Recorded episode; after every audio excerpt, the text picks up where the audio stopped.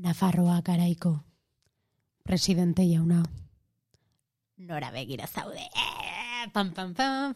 Oso gaizketatzen zait. Hola.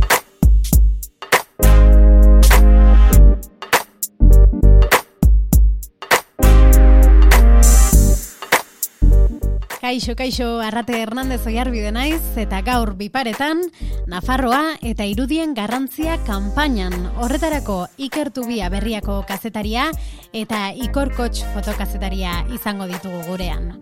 Az gaitezen!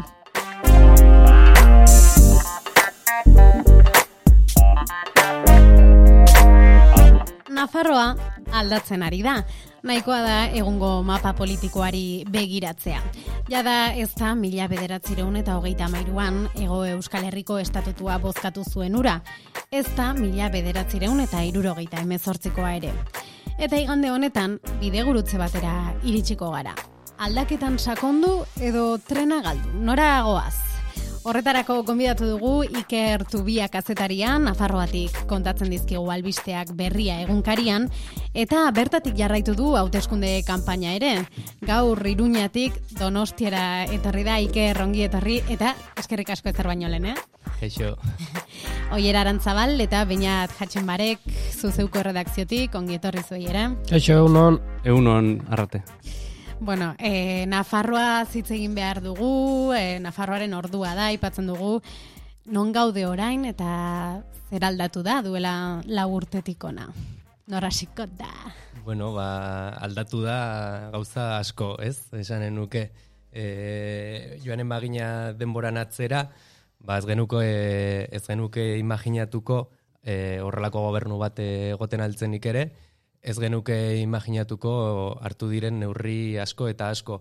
Batzuk e, agian izan daitezke e, irudi bat, ez? E, adibidez, ba, Euskarari ematzaion e, e, tratamendua, ikusgarritasuna, e, identitate ere emantzaien e, trataera, eta beste batzuk, ba, bueno, bestelakoak ez, e, adibidez, e, ogasunean, ba, egia da aldaketa nabarmenak e, egin direla, eta beste eredu batzuk e, aurkeztu dira, hezkuntzan ere bai, eskola e, programarekin, orduan e, nik esanen nuke aldaketa oso handia izan dela, oso. Ahora, a la excelentísima señora doña Usue Barcos Berruezo prometerá el cargo como presidenta de la Comunidad Foral de Navarra. Hitz ematen dut, Nafarroako foru araudea errespetatu, hobetuko dutala. Konstituzioari eta legei men eginen diedala, eta Nafarroako foru komunitateko lehendakari karguari dagokion bete beharrak leialki beteko ditudala.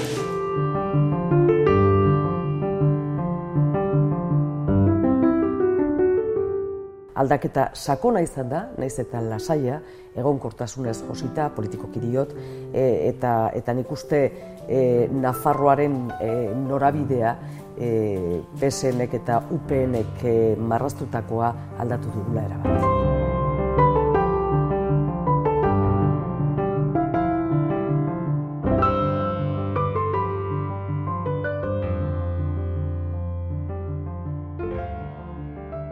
Lehenengo aldia da, ba, e, alderdi mm, kako txartean e, abertzale bat dagoelna e, ba, lendakari e, gisa, ez? Ez dena, ez, ez, eskuin e, tradizionalista esango du Nafarra, ez da ere, ba, ba, peso, ez? Bai, bai, bai, hori hori horrela da, bai Nafarroako gobernuan eta bai Iruñeko udalean e, indar abertzaleak daude agintean, eta eta hori ere ba, bada orain dela ba, lau urte edo bost urte ba, pentsa ezin zen gauza bat, ez? E, ez bakarrik e, iruñean, e, UPNek ez du apenas e, alkatetzarik e, lortu, eta lehen bazituen puska bat, eta bazituen desente, ez? Eta hori ere importantea da, esan dut askotan fokoa jartzen dugulako iruñean, baina, bueno, ikusi behar da, aldaketaren gobernuak daudela, Nafarrako ia udal, bueno, udal importante gehienetan, eta adibidez, tuteran ere, UPN ez dago agintean, ez? E, ezkerra dago momentu honetan, bueno, beste, beste realitate bada, baina, baina hori ere azpimarratzekoa da, hor ikusten da aldaketa bat badagoela. Mhm. Eta aldaketa hauek beraz e, lorpenak dira. Bai, lorpenak bai, gero gainean ikuste dut e, e, gizartea beha ere bai asko aldatu dela, ez? Nafarroan azkeneko laburtetan seguraski igual beste euskal lurralde batzuta, baino abiadura handigon, ez? Eta hor badago e, UPNek et, e, behin eta berriro errepikatu donko plazar bat, ez? Euskalduna datoz, eta badirudi ja ez daukela oi hartzun berdina edo behintzat impresio hori ematen du, ez? E, paralelismo bat egiteagatik, hemen oposiziotik Euskalderdi jeltzalek planteatu zon e, gerra sozial hori atezatekokin eta horrek sozialki eukizon hoi hartzune, iruditze zait, Nafarroan ez detela ikusten, e, e, haiek egiten nahi dien erretolika honekin, ez? E, euskeran kontra, Euskal Herrin kontra, bai, e, sozialki beti eukiko doi hartzun bat, baino kale, nik uste tensio hori ez duela lortzen trasladatzea kalea. Hombre, nik uste hor eh, nabarmena dela, e, Nafarroan e, notiziaz e, taldea baldaketaren gobernuaren alde dagoela. Eta orduan e, bi egunkari nagusi daude ez? E, e, balor lokalean. Eta bat kontra egonda e, e, lehenbiziko minututik eta gainera oso modu bortitzean, baina bestea alde. E, uste du gipuzkoan hori etzela horrela izan, eta hori ere izan daiteke faktore bat, ez? E, jendearen gana ez ailegatzeko hainbeste. Pentsatzen dut, baiet, Euskararen e, aferan eta identitatearen aferan oraindik lan handia handia dagoela, eta nik gertutik ezagutzen ez dituen sektore batzuetan, ba, mezu horiek, ba, bueno, badutela hoi hartzuna, bestela, pentsatzen dut ez dutela, ez dituztela erabiliko, baina egia da, e, ez dela, ez dela gauza bera, ez? Gainera, bueno, identitatea eta euskera, bueno, izan daitezke gai batzuk e, bueno, konfrontaziorako, baina egia da hartuko bagenitu gai sozialagoak edo jendeari ez gertutik ukitzen dioten gai hoiek, mm. ba, ba bueno, errezago dela, ez? E, jendea aurka jartzea edo Hor, hor bi, bi, bi kontu, ez? Bat lehenengoz e, dago zentro eskuin bat ez dena e, espainolista, e, indarra duena, ez? E, eragina duena esan dezagun, ez? Naiz eta ez izan, e, bueno, naiz eta indarra oso banatuta egon, ez? Aldaketa e, egin duten alderden artean. Dago e, espektro bat, ideologikoki, zentro eta esan dezagun sozialdemokratatik eskuin moderatura e, dagoena, eta e, nolabait ba, PNV-ren egiteko moldeak eraman dituena Nafarroara, ez? Hor alde batetik dago nere galdera, ez? E, nola eragin dezake horrek espektro soziopolitikoan? Alegia, nola e, norre erakarri dezake e, politika egiteko modu horrek? E, akaso EH Bildu erakarri ezin dezakena, ez? Eta eraman dezakena Nafarro aldaketa sakonago batera, hori alde batetik. Eta bestetik, e, bueno, aldaketa geratze, e, geratuko da, ez da geratuko, e, berriz ere ikusiko dugu e, mapa politiko hori e, zeinetan hiri nagusiak eta herri nagusiak e, kolore, e, aldaketalen kolorea mantenduko duten, ala, e, galdera beste galdera nagusitako bat, Navarra sumak lortuko du e, berriz ere hegemonia, ez? Ze, Navarra suma ez da UPN, Ciudadanos ere hor dago, eta UPN e, kokarlistak eta foralistek ez dakit e, nola ikusten duten hori, ez? Bueno, asiratik. Apunteak hartu behar dira, zure... Eh, bai, eta gehiago ingo nuke, luzeago. Bi puntu, bi galdera, bi azpi galdera. Bi... puntu koma. Bueno, egia da, geroa bai, hor paper importante bat izan dezake, baina esanen nuke importantea izan daitekela bere papera etorkizunari begira. E, aldaketarako gakoa aldugu izan da, Podemos. Ez? E, beti horri bilida, esperantza izan da ea PSN azkenean e, UPN alde batera uzten zuen, eta ez da, ez da gertatu, ez? Azkenengo lege gintzaldietan, ba, ba UPNerekin batera egonda, batzuetan utziz, beste batzuetan e, gobernuan sartuz, ez? E, hori gertatu zen orain dela 8 urte. Eta orain dela 4 urte, bapatean sortu zen ezkerreko indar bat, ez zuena e, konplexurik e, eta bueno, ez zuela lotura hori, ez? E, azkenean PSN ere UGT-rekin ba, ba oso loturik e, dago, eta, eta PSN ez dugu antzi, ba, erregimenaren parte izan dela. Orduan e, bide horretatik argi dago e, etzegola aurrera egiterik eta eta orduan aldaketa gertatu da beste ezker bat sortu denean, e, ba, bueno, ba, ez dena abertzalea, baina e, ba, aukera manduena e, gobernu hau sortzeko. Aurrera begira, ba, bai argi dago geroa baik nahi duela, bueno, nik esanen nuke, edo nire iritzia hori da bentsat, ez? E, geroa baik hartu nahi du beste e, irudi bat, eta kanpainako mezuak ikusten baditugu, ba, bueno, logo aldatu eta UPN jarriko bagenu, orain dela laburte, ba, ba izaten altzen, ez? E, foruak, Nafarroa, eta... eta Navarra no se toca.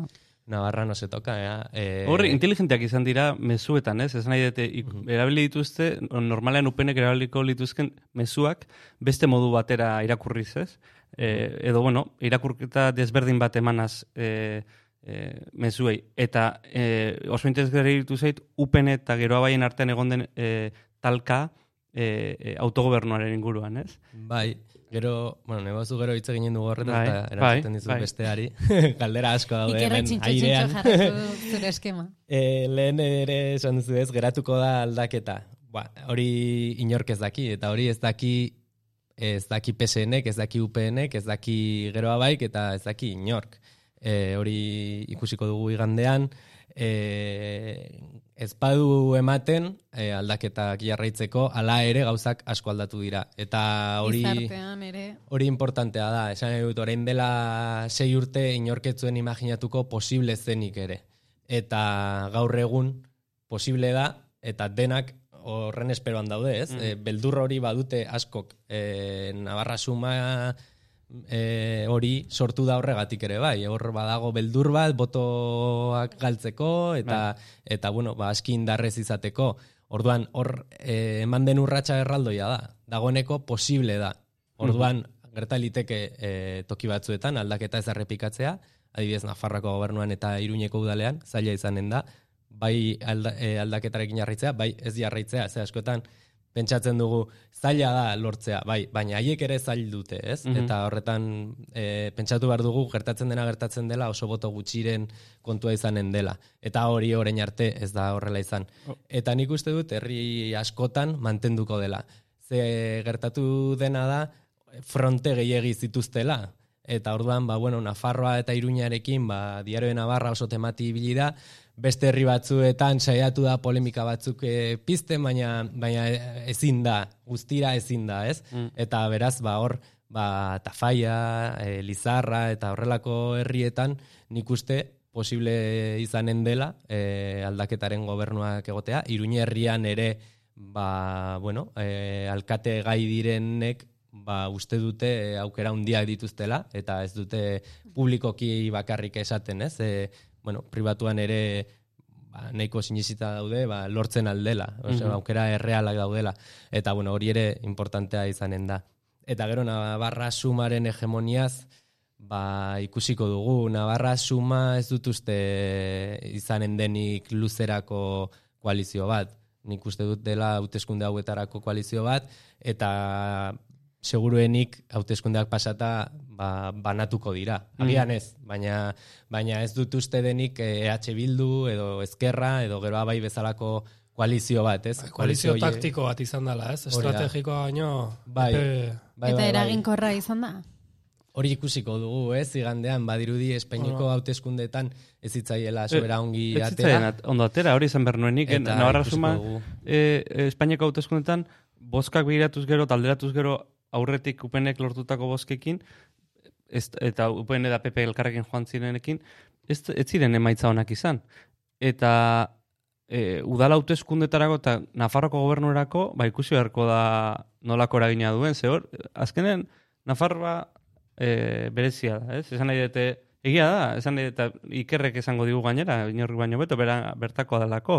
E, e, upene barruan jende oso desberdina dago e, oso oso ezberdina, Nafarroak ditu tradizio, eskuineko tradizio ezberdinak.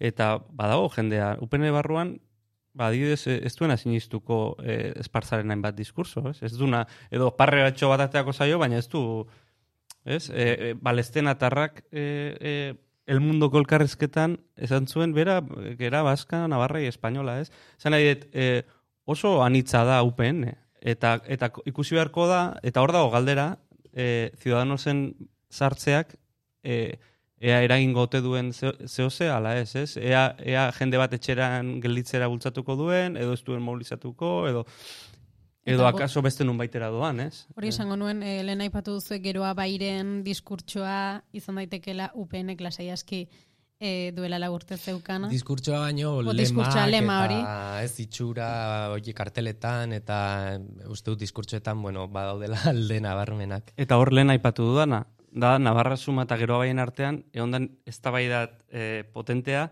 e, autogobernua zela eta etzela, ez? Bai, e, hombre, nik uste e, hor egon direla, bueno, bi, bi afera nagusi Nafarroako politikan, bat da, UPNek badaki gobernatzen, eta gainerakoek ez, ez dakite, eta etortzen baldin badira kaosa izanen dugu.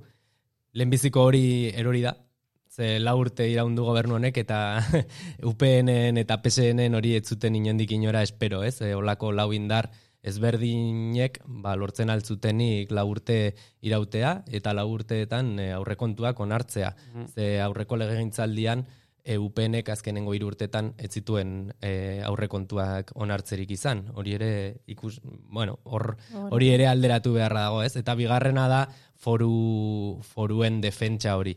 Hori beti UPNren bandera izan da, foruen defentsa, eta orain, bueno, ba, hori biluzik, e, UPN biluzik ustea izan da e, jokoan zegoena, ez dut uste erabaldortu denik, naiz eta datuak hor dauden, ez? Eta eta horren e, bueno, adierazgarria handiena da, seireun e, milioi euro gastatu dituela Nafarrako gobernuak e, bestela ezin zituena gastatu, ba, gehiago ordaintzen ari ginelako, ez, Espainiari. Mhm. Eta hor, UPN-eren e, negoziazioa Espainiarekin, ba, badirudi ez, ez dela izan e, izan behartzuen bezala, edo ez duela serio hartu zertziren foruak eta eta zertzen autogobernua, ez? Eta datuak mai gainean daude, baina bueno, banderekin eta euskararekin e, estali nahi izan dute hori, eta hor da hori da geratzen dena, ez? Orain e, e, bigarren e, oinarri hori botatzea.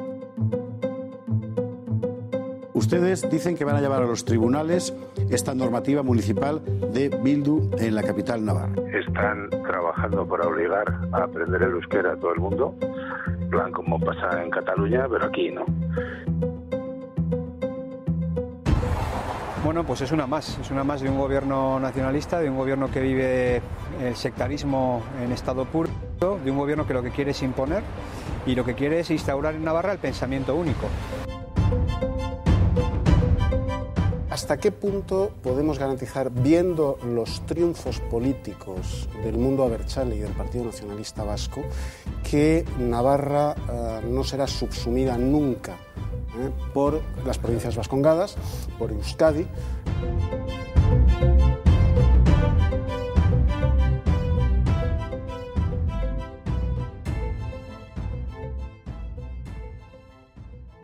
Eta honen guztiaren artean, eh, non dago Euskal Herria. Eta Euskal identitate hori. Zari gara Nafarroaz, eta Eta lehen aipatu duzu ere azkenean e, ezkerra Podemosekin eta bueno, geroz eta ezakiten nabarmendu dela eta bar eta bar, baina ez dela botoa abertzalea. Noski ez da. E... Ez da eta Nafarroan momentu honetan ba abertzalek ez dute gehien gorik. E, Miguel Sanzek bere garaian egin zuen e, gaztaren e, teoria hori, ez? Eta esaten zuen eren bat e, UPN-erena zen, beste erena PSN-erena, edo bueno, ezker e, Espainiako ezkerrarena, eta beste erena bertzaleena, ez? Eta badirudi hori sobera ere ez dela mugitu. Aldatu da, eren hoietako batean, ba, Podemos e, sartu delako. E, non geratzen da Euskal Herria. Nik uste momentu honetan e, Nafarroan dagoen batailarik handiena da gutxienez euskal identitatea onartzea, Mhm. ez? E, orain arteko gobernuetan euskal identitatea ukatu egin da Hori da. eta momentu hauetan e, Navarra Suma eta PSNek esaten dute ba Iruñean e, Joseba Siron e, bakarrika e, bere bere bozkatzaileen e, alkatea dela, e, Nafarrako gobernuak baduela e, lendakari abertzale bat, baina Nafarroa ez dela e, abertzalea, baina haiek dira e, euskal identitatea ukatzen duten alderdiak. Haiek ezin dute guztientzat e, gobernatu, ez badituzte e, lurralde horretan dauden identitateak e, errespetatzen. Eta eta hori argi dago. Simboloen legea bertan bera utzi zen, baina gaur gaurkoz ez dago ikurrina bat bera ere e, udaletan, e, udaletxean ezin da jarri ikurrinarik. E, legez ezin da, ez? Orduan, e, oraindik ukatuta dago e, alor simbolikoan, Mm. e, gia da, bueno, ba, e, urratsak eman direla, ez? Baina pentsatzen du Ba. momentu hauetan hor hortan e, gaudela. E, ba, hor, e, e, nik ulertzen dut alde batetik e, Nafarroa den bezalako izan da, aldaketa izango bada e, mantzoa izango dela. Ez? Bai. Esan nahi dute, e, lortu dezakezu ikurriña jartzea egun batez zure udaletxean, baina horrek eragin dezaken karga simbolikoa igual ez da mesedegarria zure aldaketa horrentzako. Esan nahi dute, e, ikerreko ondo esan du, ez? Denontzat gobernatzea da e, pausotako bat, aldaketa sakona izan dadin. Eta denontzat gobernatzeko zain berdia formak, ez? Egia da gero, ba, simbolismoare, ba, euki behar duela, ez, aldaketak. Oreka hori da kontua. Nik beste galdera bat, e, Iker, box, zer gertatuko da boxekin? Ze hor bozka poltza handi bat atera zuten e, Nafarroan. Bai. Mm, Bueno, boxekin, ba, ikusi beharko da ere, bai, inork ez daki parlamentari hori lortuko dutenik, baliteke baietz, ez? E, orain arte UPNek nik uste hartu duela e, zentro eskuineko, ba, bueno, boto desente, eta hor eroso egon da, bera bakarrik, batez ere UPN, e, UPN eta PP elkarrekin joaten ziren e, garai horretan, ez? PP-rekin hautsi zuenean, PP hartu duen diskursoa, eta legigintzaldi honetan oso argia da, ez? Ba, izan da, Espainiar zale muturreko oiei begira, eta pixka bat UPN erakarri du bere tokira, ez? E, UPNek ere demostratu bartzuelako hori dela bere, bere tokia. Eta orduan, orain ikusteko dago, ea boxek hartuko duen PPek edo PPNek mm. e, bale gintzaldi honetan izan duen tokia. Zenik uste Beltranen lekua. Eh? Bai, hori da, bai, bai, bai. E, ze badago jende bat Nafarroan Espainiar zale amorratua dena, ez? E, gero esanen genuke badudela Euskal Abertzaleak, eta gero badago sektore bat, ba, Nafarra dena eta Espainiarra, baina ez agian Espainiar zalea, eta sektore bat, ba, Nafarra dena besterik gabe, ez? Eta... Ez, ez que hor, e, ikusi nuen mapa bat, ez? Espainiartasunaren mapa, ez? Eta kuriosoa zen, e, ba, Euskal Autonomia Erkidoarekin batera, Kataluniarekin batera, e, Nafarroa zela Espainiartasuna gutxien bizi zuen e, er, herrial, e, bueno, herrialdea. Baina kurioski hori eren bat da abertzalea, ez? Orduan, esan nahi, dune, esan nahi duena da, lehen aipatu duguna, ez? E, ba, e, espezie oso kuriosoa daudela Nafarroan, eta UPNek daukan botera balin badauka, da ez delako PP. E, Bai. e, ez delako izan PP itxuraz, ez? Ez dakit nola esan. Osea, Eta gainera, kanpaina honetan ez Navarra Suma haren barnean egonda, ba, espartzari inoiz baino gehiago aditu diot Espainia hitza eta etengabe defendatu du Nafarroa foral eta espainola, ez? Eta hori defendatu dute beti, baina ez dakit hitze zain argi izan den, eta hor gehiago ikusten da Ciudadanos eta Peperen diskurtsoa, Kau, koalizioan hiru alderdiak doaz, eta hiruren mezuak egon behar dira mai gainean. Hori egia da. Isilik zaudeze Bai, zer hor buruan bueltaka. Ba, iruditzaiela PSN ez degula aipatu oraindik ta, eta ematen dit sensazioa eukiko dola azkenen pentsatzen deguna, baino garrantzi gehiago ba, nabaritzen dalako igoera bat izango dola, nahiko, nahiko evidentea ez, igual ikusi izan apirilien, baino nik uste dut euki dezakela baita hauteskunde hauetan, eta, eta PSN-ekin UPN dakizun bezala oso garbi, o nagarra suma, nundik etorreko zaizun PSNek, PSNek beti dauke malgutasun bat balantzan alde batea edo bestea erortzeko, ez? Eta hor, abertza esaten duen zenbakik, baino PSN UPN bat ikusten dugun bezala, PSN geroa bai bat gertatu daiteke? E, geroa bai eroso egongo da gobernatzen EH Bildu kanpon utzita? Ba, bueno, geroa baik esan duena kanpainan da laukoaren alde eginen duela zenbakiek ematen badute, eta egia esan nik e, hori sinisten dut e, zaila litzatekelako zenbakiek ematen baldin badute, hori ez errepikatzea, ez? Lau urte hauek e, ongi joan dira, ez eluke zentzurik ez errepikatzea. E, baina noski atea irekita utzi du. PSN-erekin ez dakigu ze gertatuko den. PSN oso arrotua dago, e, hauteskunde, Espainiako hauteskundeak boro bilatera zaizkio, eta, eta egia da, baina, bueno, hauteskunde ezberdinak direla uste dut egia da segurenik igoko dela eta hortan Podemosek e, legintzalde honetan izan dituen barne austurak eta izan dituen jarrerak ba, ba, bueno, ba, gertatzen alda hor jende bat abstentziora joatea, gertatzen alda jende bat PSN-era joatea, ez?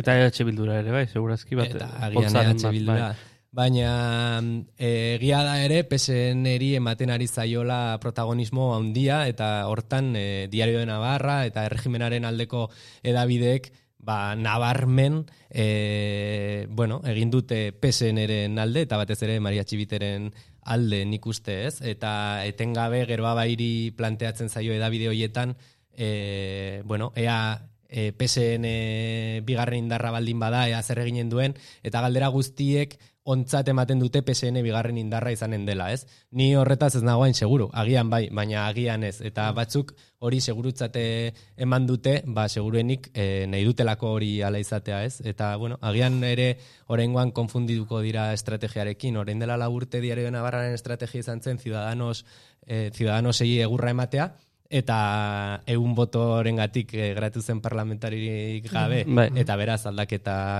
e, aurrera egin zuen, oraingoan badirudi e, diarioen Navarraren apostuetako bat dela Maria Txibite, ez? E, bigarren indarri izan dadila, baina ikusiko dugu ongi ateratzen zaion edo ez. Egia da, Navarra sumako boto batzuk ere joan daitezkela PSN-era, adibidez. Nik, nik ez. Boto util edo, ez? Ez dakite, e, egia da, e, percepzioa dela, e, ba, ipatutako aurreko hauteskunde begiratuta, ba, gora ingo duela. Ez? Nik nire zalantza ditut, e, baina iruditzen zait gainera, PSN ere, ez dela, PSNek egiten du Madridetik izaten diotena. Ez? Osa, oso simplea da, ez dago ez dago komplexutasunik, ez? Nahi dute apura esatera zanean, pues, e, e, egin zuen Madridetik izan zioten, eta isildu zan, ez? Belarri jatsi zituen da egin zuen, eta, Mari, eta Maria Txegitek ingo du, berdina.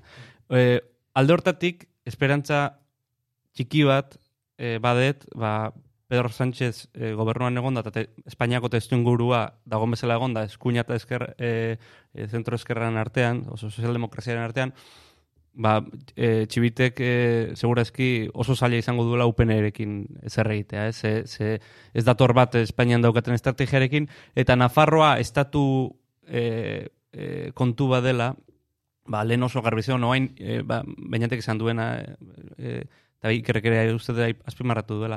Orain ez dago horren esteko beldurra, ez? E, Euskaldunek e, jangote duten. Ah, baina ez nago, ez nago ados, eh? Nik uste dut e, PSNek e, aukera balima dauke e, e, usteko kanpon EH Bildu eta estek, oza, UPN ingo dola horren alde. Nere zalantza, oza, oso garbie da UPNekin batzeko ez dola inungo arazo egukiko PSNek nik uste Madridetik esaten diena esaten diela, nik uste Madridetik e, preferentzien mango diela hobe nahiago izango duela UPNekin juntatzea, e, abertzalekin juntatzea baino. Nire zalantza, geroa, geroa baita PSNen arten lortu daikien adostasun bat Naparroko marko, naiz eta geroa baik esan da esan nahi dan, ez ez... E...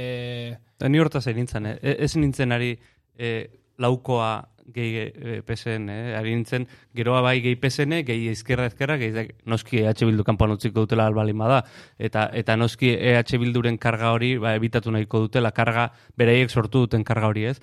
Mm, baina, bueno, Pedro Sánchez hi akusatu zaio EH Bilduren boskekin gobernatzea, eta bitu nun maitu duen. Esan nahi hori ere EH Bilduren karga negatibo hori denborarekin apalduko da. Ez da posible egotea... E, EH Bildu e, lakra bat balitz bezala, e, eta bat eta balitz bezala egotea denbora guztian, e, ez denean ala, eta hemen realitatea beste bat denean, ez hemen e, alderdi popularrak go, e, udal gobernuetan EH Bildurekin akordioa lortu ditu. Hemen realidadea bat da, eta estatun beste bat, eta beti planteatzen zaie estatu mailako alderdiri dikotomia bat, eta hemen funtzionatzen dienak, anestie funtzionatzen eta alderantziz. Horrekatik nahi irutze zait, estatu maila naiz eta eskuinekin e, aliantza horiek ezein, na, Naparron e- egoera, beste egoera bat e, jarriko dutela, eta beste, beste lentasun batzuk ezarriko jutela. Ike, errerantzun, zure Nik uste dut e, Nafarroa estatua fera dela oraindik ere eta izanen dela eta eragina izanen duela, ez Espainian egiten diren e, paktuek eragina izanen dutela segurenik Mm. Nafarroan segun eta zein e, zenbaki ematen diren. Egia da, e, kanpaina honetan e, lortu dela e, txibitek esatea espartza ez duela lendakariz eginen eta espartzak esatea txibite ez duela lendakari eginen badakigu PSNren hitzak zenbat e, balio duen, ez? Baina esan, esan du, eta beste batzuetan ainargi e, ez du esan. Txibitek ere esan du Pedro Sánchezen e, estiloa ekarri nahi duela Nafarroara, eta PS, e, Pedro Sánchezen estiloa txantajearen estiloa da, edo ni, edo eskuina. Eta beraz, estilo hori ekartzen baldin badu, mm, pentsatu nahi dut, e, aldaketaren indarrek hor kartak ongi jokatuko dituztela, eta txantaje horri etzaiola e, men egin behar, ez? Edo ni edo eskuina ez, e, jar, edo aldaketa edo eskuina, ez? Eta hori da mai gainean jarri behar zaiona txibiteri, eta berak PSN da erabaki behar duena zein aldetan e, egon nahi duen. Eta hor adibidez bakartxo ruizek e, apait, e, aipatzen zuen, ba haiek hautagaitza atera barko luketela, hautagaitza bateratu bat aldaketako indarrek, bai edo bai, naiz eta zenbakiek ez eman, ba, pixka bat horri aurre egiteko, ez? E, txibiteren e, txantai horri e, aurre egin ahal O- izateko. Hor dago Podemosen papela ere. Esan nahi dute, e, noski txantaje hori gertatu daitekela, eta noski, e, ba, bueno, ba, horrek baldintzatu dezakela go, e, gobernagarritasunak. Zein da bestea, aipatzen dezuna, ba, gero abaiek plantatzen bat, bueno, in, aldaketen indarrenetan lehenengo ateratzen denak, planteatzen baldin badu e, presidente kargu bat, ez? Edo, edo hautagai bat, ez? E, hor gertatu daiteke gobernu bat gutxiengoan PSNren e, e, engranaiarekin, ez? E, e, gobernatu dezakena, ez? Esan nahi, e, inguruak mila izan daitezke. E, ikusiko da, ikusiko da noraino, nolako emaitza lortzen dituen PSNek, e, ze, ze askotan, e, bueno, e, ematen du e, alderdi batek sekulako emaitza lortuko dela, baina gero hori percepzioa besterik ez da, ez? Bai, bai, bai, bai, bai. E, hori argi dago, e, lehenbizi ikusi beharko dugu zein den bigarren indarra, horrek izanen du zilegitasuna e, ba, gobernatzeko, upen e, espada, ez? E, upen lehenbiziko, bueno, Navarra suma lehenbiziko indarra izanen dela, ba, nahiko argi dago.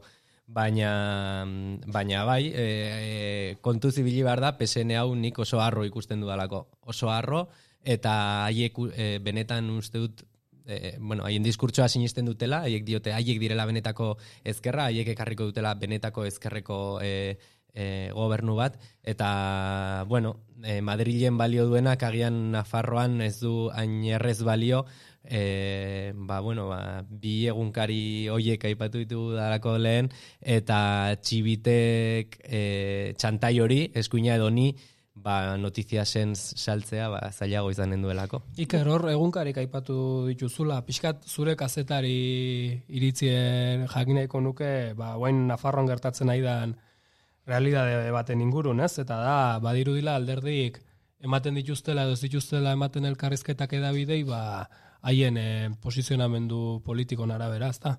Mhm. Bai, e, atzo bertan Juan Cruz Lakastak e, Bai. publikoki salatu zuen, eta bueno, Jose Arra Senarrek, e, nire lankideak ere, orain dela egun batzuk e, e, aipatu zuen, ez, Twitterren, ba, bueno, Navarra Sumak eta PSNek e, ez, di, ez dute elkarrizketarik eman, ez berriarentzat, ez gararentzat, eta Navarra Sumaren kasuan, ba, notiziasi eta Euskal Herri erratiari ere betoa jarri die, ez? E, gainera, bueno, erantzunak e, ez dira, ez dago azalpenik, ez? E, haiek erantzuten dizute, bueno, ez, da- ez gaude interesatuak, eskerrik asko. Eta hor geratzen da, ez?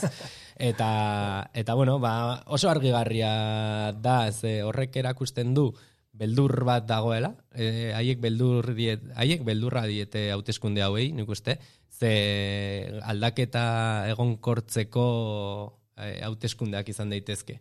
Eta momentu horretan ja jokoz kanpo geratzen zara, eta badirudi ere beldur diotela haien haien proiektua defendatzeari edo zein plazatan. Eta ikusi dugu eh, EH Bildu edo geroa bai Diario de Navarran eta ikusi dugu eh, ikusi ditugu ba, eh, hainbat irratietan, eh, Espainiako eh, irratietan ere bai, eh, problemari gabe haien haien haien posizionamenduak eta haien ideiak defendatzen eta hori izan eh, izan barko luke normalena demokrazia batean, ez?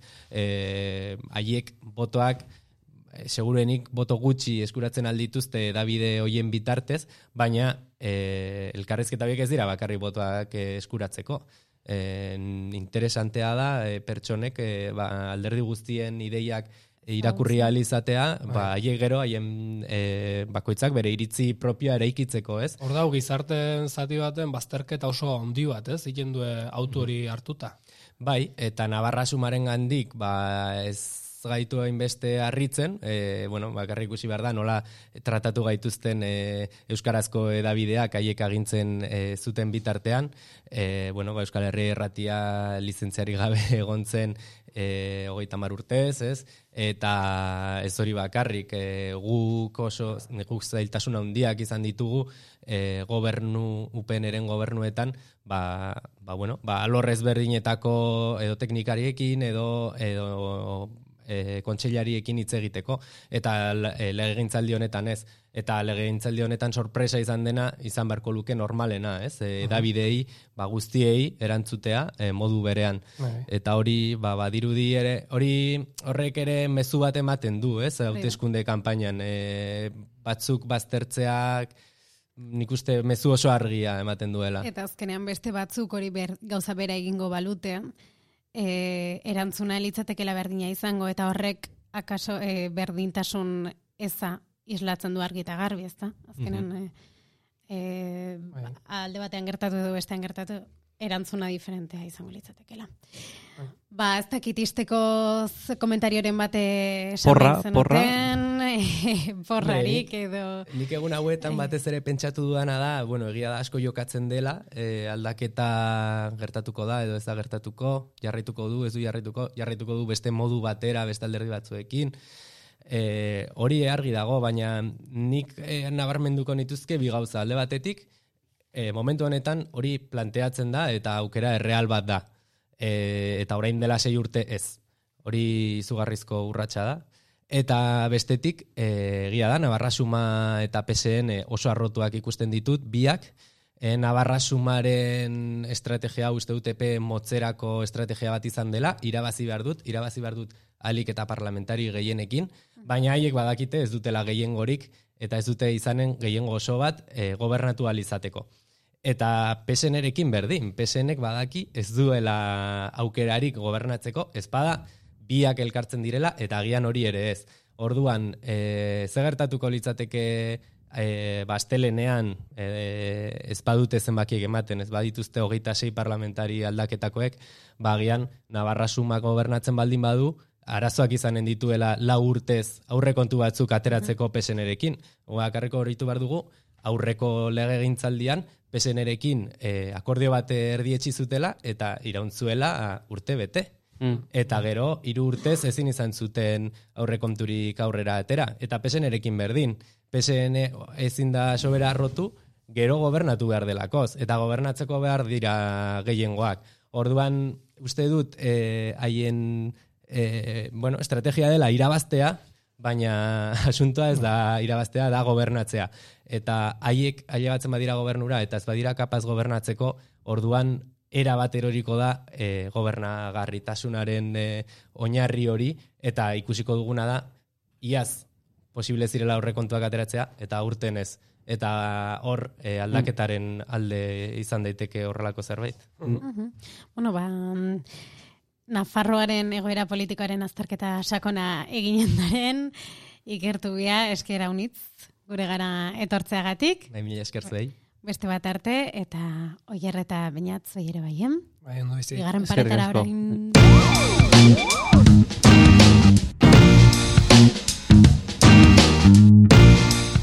Zuzeu podcast, zure hizkuntzan mintzo diren istorioak.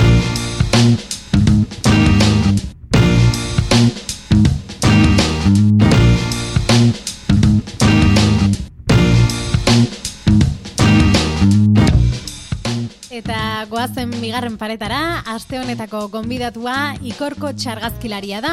Babai, argazkilari batzuk ere badirelako kazetariak, fotokazetariak dira hain zuzen. Ikorko zu horietako bat, ongi etorri. Hortan saiatzen gara bintzen. Eh, ongi etorri. Oie Arantzabalek hemen jarraitzen du, eta Nartz Bilbao, zuzeuko erredakzioko kidea batu zaigu, ongi etorri. Eguerdion. Egu, ez dakit, eh, egun onda Edo gabonen Gabon. tartean dagoen eh, arratsaldeon. Eguerdion, bai, da, hor, eh, nebulosa batean gelditzen da. Ala ez gera honetan galduko, eh?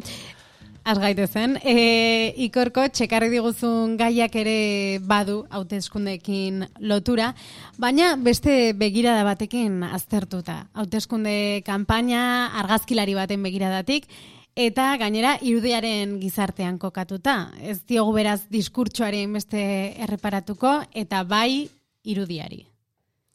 Bueno, nik uste dut, eh, kanpainan gaur egun hortan labur biltzen ari direla, ez? Eslogan bat dago, baina gero batez ere alderdiak bilatzen dutena irudia da. Irudia lantzen dute, eta eh, bai ekitaldietan eta bere kanpainan irudiak kriston indarra daka.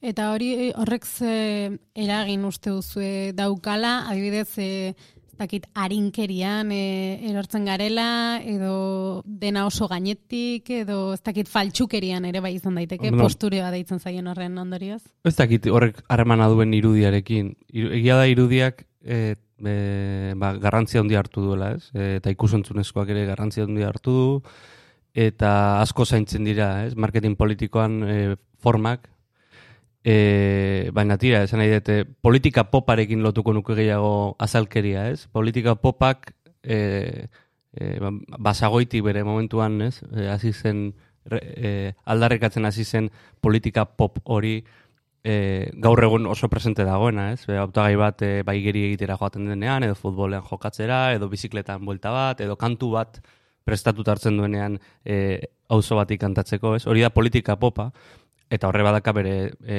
itzulpena irudietan, ez? Bai, nik uste dut ez dala ez ona eta ez txarra da bizi dugun garaiaren islada bat. Gertatzen dana nik ikusten diodan arriskoa da nolabait eh, trebatzen gaituztela e, diskurso idatzi bat ba, horren aurrean kritiko izaten edo ez, baina irudiaren aurrean nik uste du gizartea oso ez jakina Eta sartzen dizkigutela gauza asko konturatu gabe. Eta hor- horretaz probesten direla, ba, beraien menzua ere hortik sartzen. E, amar minututan saioan, e, maite goinek landu duen aztontako gai oso interesgarria da alfabetizazio mediatikoa eta hain justu nik uste ontar, ontaz ari dela, ez? E, nik ikorkotx galdera bat egingo diat, e, e, ez ote dira argazkietan aratzegi ateratzen, e, photoshopegi ateratzen, e, E, Faltsuegi, hain zuzen. bai.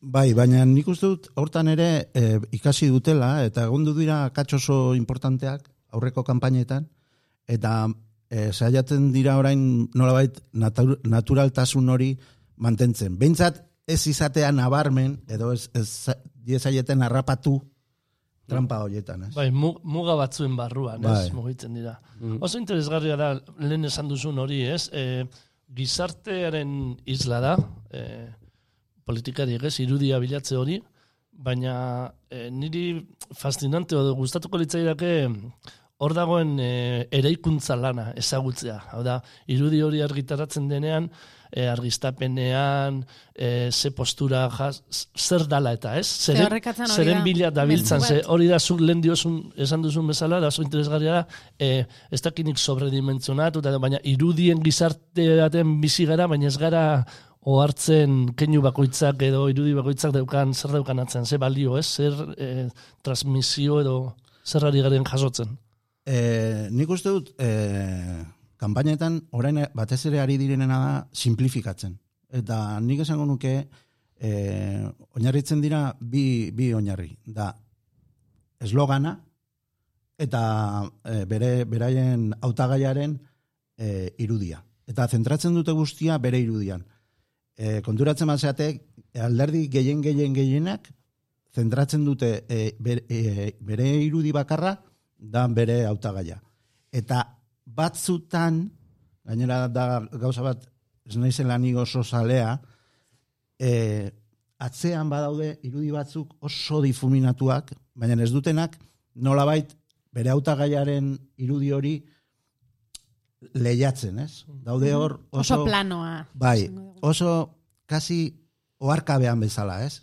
Eta ni, ni beti pentsatu dut, pues, normalean, ez? Ba, beti daude e, araua purtzeko arrazoiak, ez? Baina edo isladatzen duzu isladatu nahi duzuna, edo ez duzu isladatzen, ez? Eta orduan, adibidez, oso kuriosoa da, e, nola, estatu mailako kanpainetan, asko zentratu da arpegian, hautagaiaren arpegian, eta Euskal Herrian, aldiz, planoa da irikiagoa. Gor- Gorputza ikusten zaio. Bai. Plano amerikano bat. Bai. Nola bait, e, alderdiak ez dira ausartzen, e, aurrez aurreko hortara. E, e, e, eta bilatzen dute irudi bat, persona oso osoaren irudi bat, eta pixka bat aldenduagoa. Mm, Analizatu igual, eh, guazen behidatzea, ez? Arrate? Eh, Eh, bai. ez, adibidez, Nik- Deniz Itxasorena.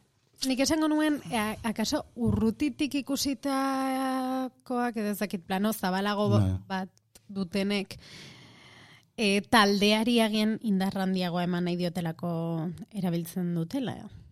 Edo gutxiago eskutatzen dutelako. Ez dakit. Edo gutxiago ezkutatu nahi dutela. Esan nahi, ez dela, nik ez dut zuzenean lotzen gertutasuna edo ez gertutasuna, zakit. Impresio pertsonala den edo ez, edo ez dakit, eh? eh, egia da orantxe eguki ditugu bi kanpaina, ez, oso jarraian, ez, eta lehenengo kanpainan asko zerrexago izan zaie beraiei zen, zentratu behar zuten persona batean bakarrik. Orain dago guztiz al, al- alderantziz, porque eh, daude aurkeztu behar dituzten pertsona pila bat. Mhm. Eta horrek ere laguntzen du, eta horre, horre ere ematen du aukera matiz desberdinak emateko. Ez? Baina adibidez oso esanguratsua da, aurreko kanpainan eh, Sánchez, eh, Pedro, Pedro, da, ez? Pedro Sánchez zen erabateko aurrez aurrekoa. Ez zizaion ikusten ez da aurpegiaren mugak. Osea, zen parez pareko irudi bat. Mm. E, bestearena, kasado, pepekoarena ere, zen pixka bat irikiagoa, Mhm. baina zen e, petxotik gorako ir- irudi bat. Bai. Bakarra pixka bat hau- e, hausartu zena izan zen Ciudadanosekoa, Rivera, baina eman nahi izan ziotelako e, Tom Cruise itxura bat en acción nator hemen, ez? Bai. Baina beste denak, e, Podemosekoak enduta, Podemosen nik uste dut hor pixka gertatu da kontrako hori ez. Bilatu dutela jendea kritikatu izan die hainbeste personalizatzea eta erabat buelta eman diote eta lehenengoz kendu dute bere, beraren irudia, baina hori pixka bat da beren barne gatazkaren ondorio bat bezala. Baina besteak bilatu dute aurrez aurrekoa. Eta aldiz hemen, bai aurreko kanpainan eta bai hemen, bai oraingoan, e, irudia da irikiagoa. Guazen, guazen bilatzea. Lidergo, zen, lidergo sendat, sendotze kontu bat. Ez, nik uste dudala gauza kultural bat. E, hemen, e, oraingoz, e, et, a- adierazgarria da bidez, ba, e, bai pesoek, aurreko kanpainan erabili dula aurrez aurreko irudi bat, Denis Itxason zabaldu egin du. Orain parean duzula Bai. Denis Itxaso, ze, zer esaten dizu bere argazkiak? Deskribatu ezagun, txuri beltzean dago, trajez jantzita, E, e, korbata du, bizarra, Denis Itxaso aurreko kanpainatik onera iriki du bere bide propio bat bezala, ez? E, naiz eta bere alderdiak e, beste hautagai guztiak koloretan egin dituen, berak nolabait bere nortasuna azpimarratu nahi izan du eta bai aurreko kanpainan eta bai or- oraingoan txuri beltza bilatu du. Eta ez da, berdintzeko. Bai. Eta nik uste dut, susmoa dakat badala joera bat, e, hautagai batzuek nolabait azpimarratzeko bere autonomia alderdiaren barnean, bilatzen dute e, irudi generalen irudi generalean ere bere nortasun propioa bilatzea. Eta adibidez, oso garbia da, e, zenperren kasoa donostian. Mhm. Ba, bai irudi aldetik, eta bai sinatzeko moduan, eta hola, bilatu du. Sigle juko egitearen... bilatu du nolabait bere alderdiaren barnean, esatea, bueno, ni hor nago, baina badakat nolabait nortasun propioa. Hor, e, zuri beltza badare bai elegantziaren ikur bat, ez? Edo hot downen, e, e, ez? E, ka- kazetaritza ekartzen dugu gora baita ere, e, e, ez dakit, e, simple, ez simplekeria, baizik eta simpletasuna e, hobesten du, eta oso fotogenikoa da, ez dakit, eh? E, goratzen dut bere garaian amaika batek ere zuri beltzaren alde egin zuela, etxe zen bat ere ondo atera, baina zuri beltza laranjarekin e, kombinatu zuen. E, gainera zuri beltzak ondo eskontzen du hainbat kolorerekin, ez? E, Bai, eh, Kontrasteak. ados nago zurekin, batez ere da soltasuna eta da zentratzea nolabait eh, irudi, irudian. Osea, ez da kasu koloreak batzutan ematen duen distra, di- eh, distrakzioan, ez? Beste, eta da nolabait eh, informa, lotzen dugu gehiago kazetaritzarekin, eta ez, da como rigurosoagoa. Be, puntu serio edo Bai. puntu gauza zehatza zuzenera doana. Aldiz, lehen aipatu ditut adibidez, hori gorputz osoa, mm, bueno, osoa edo ia osoa eh, erakusten duten hoiek eta eh, gehiago taldea erakusten dutenak. Kasu honetan, EH Bilduren Gipuzkoako paperean hori ikusiko dugu. E, lehen lerroan Juan Carlos Izagirre eta atzean ditu maita, mai, Marian, maite ez, Marian baitia larrangoitia, eta beste be, bikide. Eh, nik ez nuke pasatu nahi eh, azaldu gabe nire, nire iritzia da, eh? baina eh, iruditzen zait EH Bildu eta E EAJ PNVen artean eh, suertatu dala nolabaiteko antzekotasun handia. Kolorearen gatik. Kolorea, formatoa, gauza askotan etorri dira oso bat. Eta eh, os- inondik inora ez dut pentsatzen atzean egon daitekenik egon daiteke adierazteko nahi, nahi antzeko bat, baina ez, ez da gauza bat bilatu duten inundik inora. Hori da eh, jutentzarenean boda batea bezala, zure soineko marabillosoarekin pentsatzen bakarra izango dala, Bai. eta parean tokatzen da bat berdinarekin, ez? Pues, esaten duzu. Ze suerte txala. Hala ere koloreek ere badute, nola esaten da, koloreen psikologia edo... Bai, bi- bi, bile bilatu dute e, transizio bat, hori ere oso oso berdetik urdinara, bai. Euskal Herrian direla oso kolore oso propioa, pues da mendia, itxasoa, itxasoa bena ere, ez? Em- emango luke, e, EAJaren e, kanpaina eta EH Bildurena berdina direla, ez? E, Gauza, irudia, esan nahi dut, iru- irudi aldetiko hain behiratzen nago, eta nuke asmatuko la kolpean e, bat eta bestea bere izen espalitz aurtagaien gatik.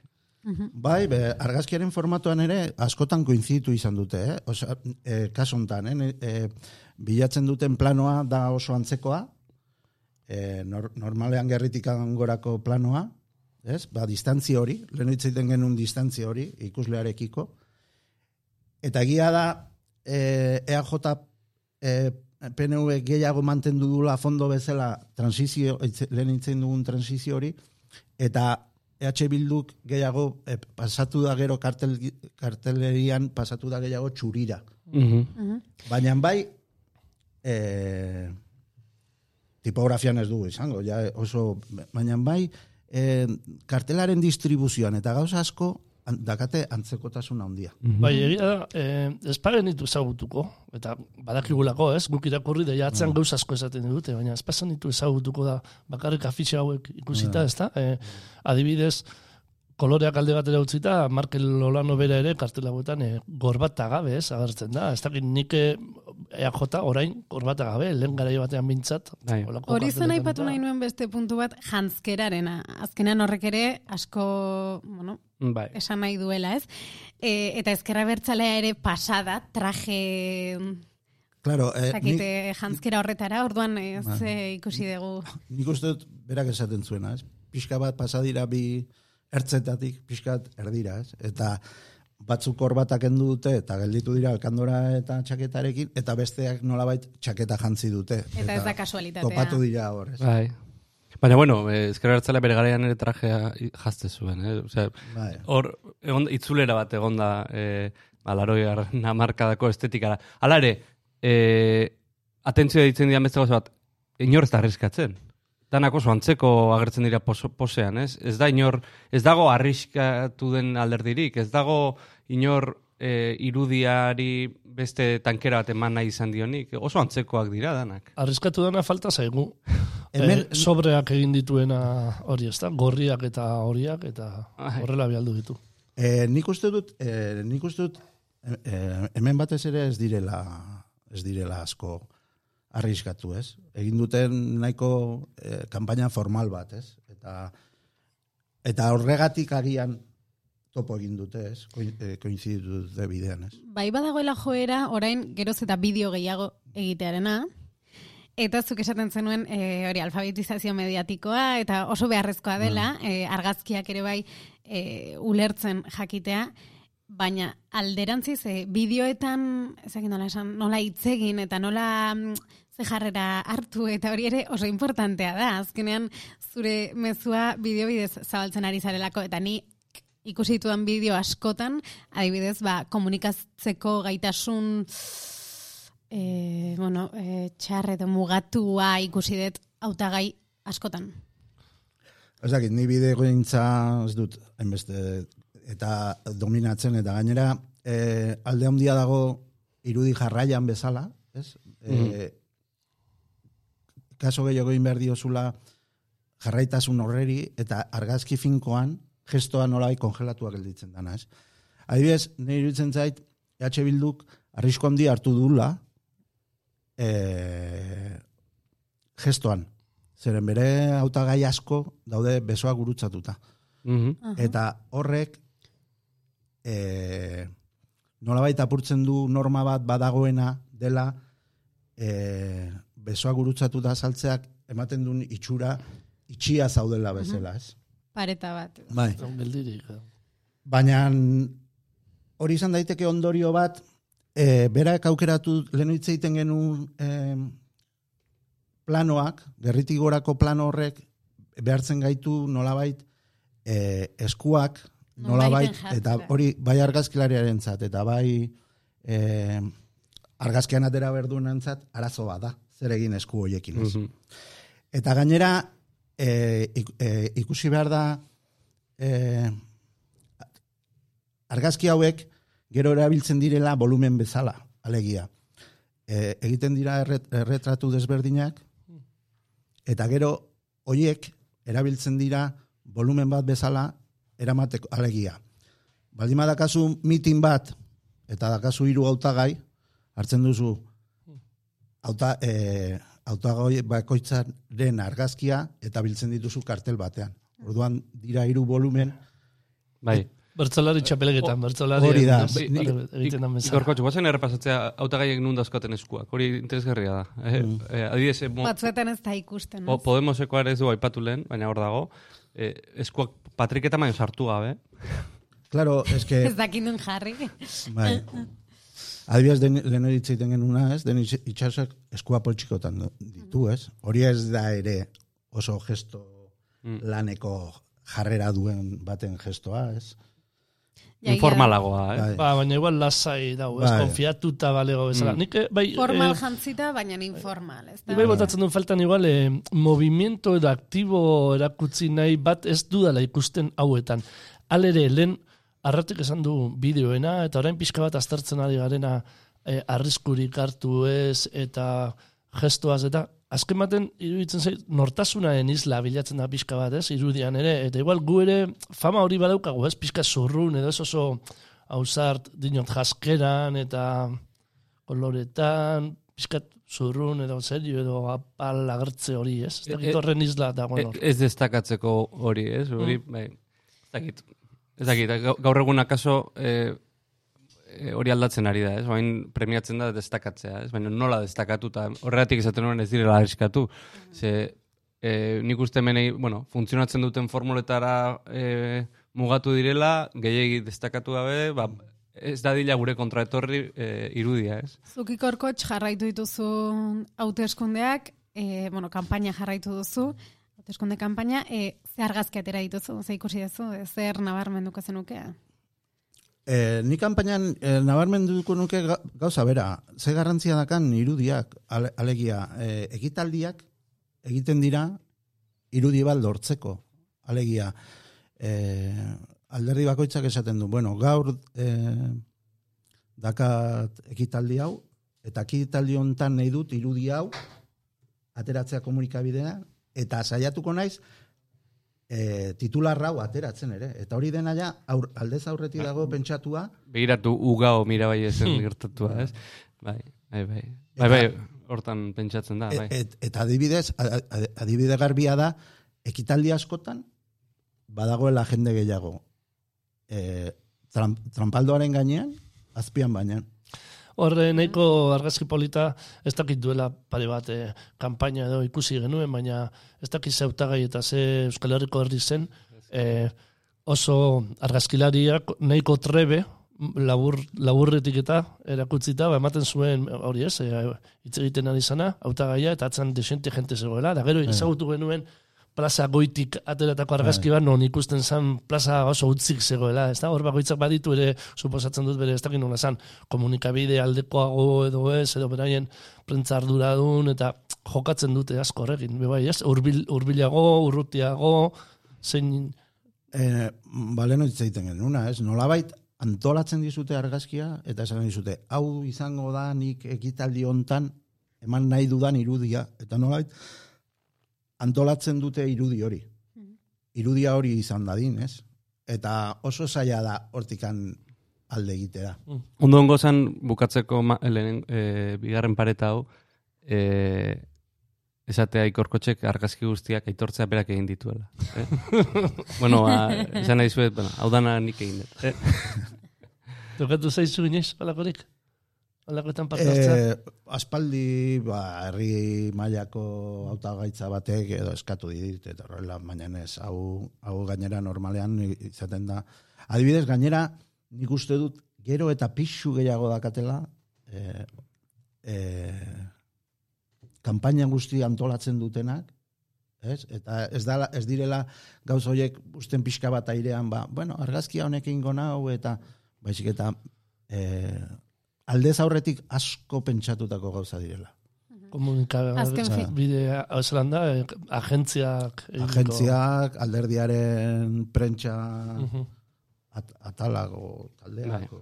Azken finean esango nuen, errealitatea ere horrela ulertzen dugulako, geroz eta gehiago, eta importante delako horretara egokitzea. Beraz, bueno, ikorkotx kazetari gonbidatuan, naiz eta askotan ez zaituzten horrela kontsideratzen, eh?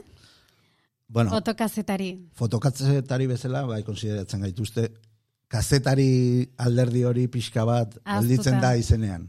Esan da. Bueno, ba, gu oso pozik, lehen fotokazetaria izan dugulako bi paretan, eta beste bat arte nahi duzun arte, eskerrik asko, gurekin izateagatik, oi erretan hartz, oi ere bai. Eskerrik asko arrate. Horrengo arte.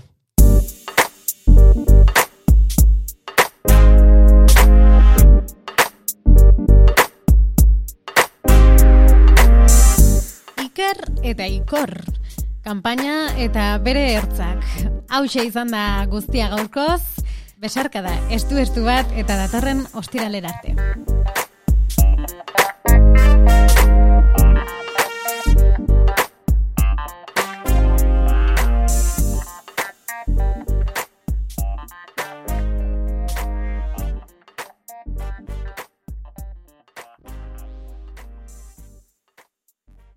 Edozein plataformatan entzun dezakezu zuzeu podcast. Spotify, Apple Podcasten, Google Podcasten, eta plataformaren batean espalima gaude, idatzi podcast abildua zuzeu.eus elbidera.